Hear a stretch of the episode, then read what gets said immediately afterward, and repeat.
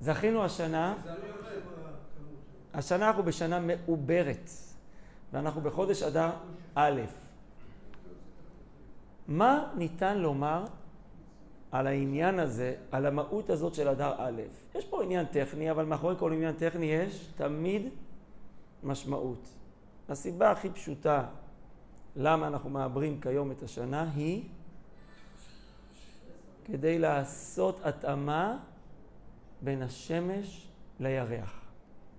מה זאת אומרת? התורה אמרה שמור את חודש האביב, והיא אומרת לך שפסח צריך לחול באביב. כידוע, עונות השנה נקבעים לפי שנת השמש. אבל התורה אמרה לנו ביציאת מצרים, החודש הזה לכם ראש חודשים, אתם תספרו לפי החודשים. אז היא עשתה פה דבר בלתי אפשרי. החודשים זה שנה שקצרה יותר, ב-11 יום, מאשר מחזור של, ה, של השמש.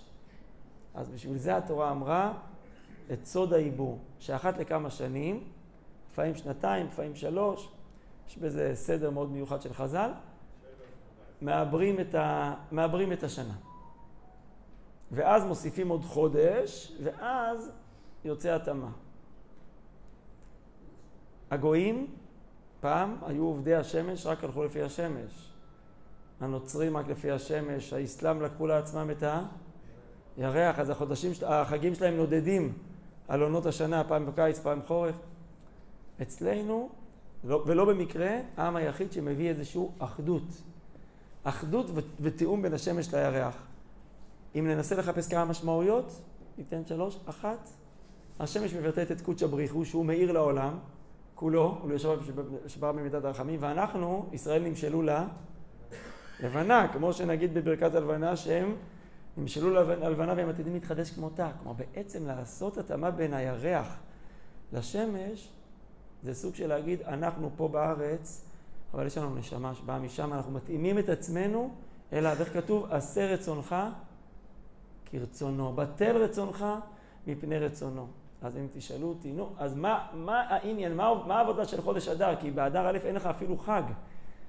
אז מי שרוצה, מה שנקרא, עבודה על דרך החסידות והנפש, אה, לראות איפה דווקא קצת קשה לי עם רצון השם, איפה אני צריך קצת מאמץ להתאים את עצמי לרצונו ולעשות את ההתאמה הזאת בין הירח לשמש. מבחינה נוספת, בכל אחד מאיתנו בפנים יש שמש וירח, אם תרצו, שזה אולי השכל והרגש. השכל הוא יחסית יציב, יש לי דעות, הם ברורים, כמו במתמטיקה, זה לא משתנה. זה השמש, השמש לא שמעתי שהיא נכבדת, היא לא יוצאת להפסקות. הירח, בעיניים שלנו, הוא נכסה ונגלה, הוא מאוד דינמי. כל יום אתה רואה אותו משתנה, כמו הרגש. הרגש זז וזה, מחזורי, יש איזה משהו ככה אה, אה, מאוד דינמי, וכשאומרים שהחודש הזה, חודש אדר א', חודש שנוסף לשנה, הוא בא להתאים בין הירח לשמש, אז בעצם זה לעשות התאמה בין הרגש לשכל, גם בעבודת השם. דוגמה, מה שדיברנו, תפילה. זכינו שיש לנו שלוש פעמים ביום תפילה כגברים. יש חובה. מה לפעמים קורה לרגש? קצת נשחק. זה כבר משהו שהוא טקסט שאנחנו מכירים. להכניס כמה שמצליחים רגש וחיות לתפילה, זה להכניס את הירח לשמש, לאחד ביניהם. איפה צריך דווקא איזון לצד השני, להכניס קצת שכל? מלחמה למשל. מלחמה זה זמן סוער, סערת רגשות. לפעמים, כן, כבר הרגש משתלט ונורא, ומה יהיה? רגע, יש הרבה על מה להודות.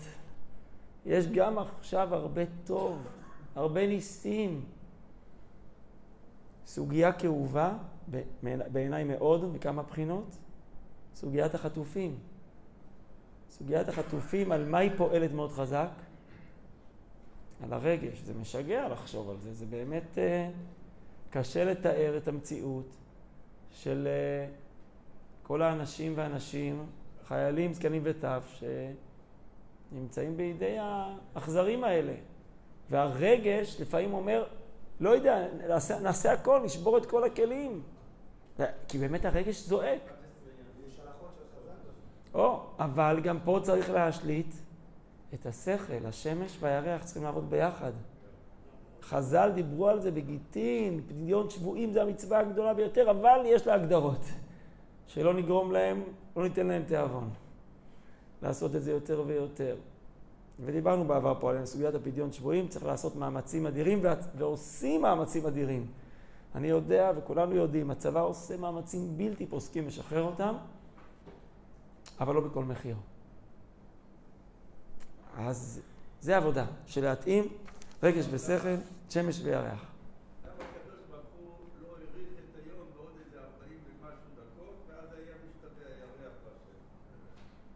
למה הקדוש ברוך הוא לא ברא את היום והלילה אחרת? אתה צריך לשאול אותו. אין לי כרגע תקשורת ישירה, נבדוק את זה. הוא רצה שנהיה שותפים. זה כל הסיפור של עם ישראל, זה הבשורה שלך בעולם. אתה פה בגוף, אבל יש לך נשמה קדושה. אתה מאחד שמיים וארץ. אחד אלוקינו בשמיים ובארץ. זה הבשורה שלנו, אם הוא יעשה לך את העבודה. אז איפה אתה? זה המאמץ שלנו. לחיות בעולם הזה, אבל הראש, כן, סולם מוצב ארצה, וראשו מגיע השמיים. אז זה עם ישראל.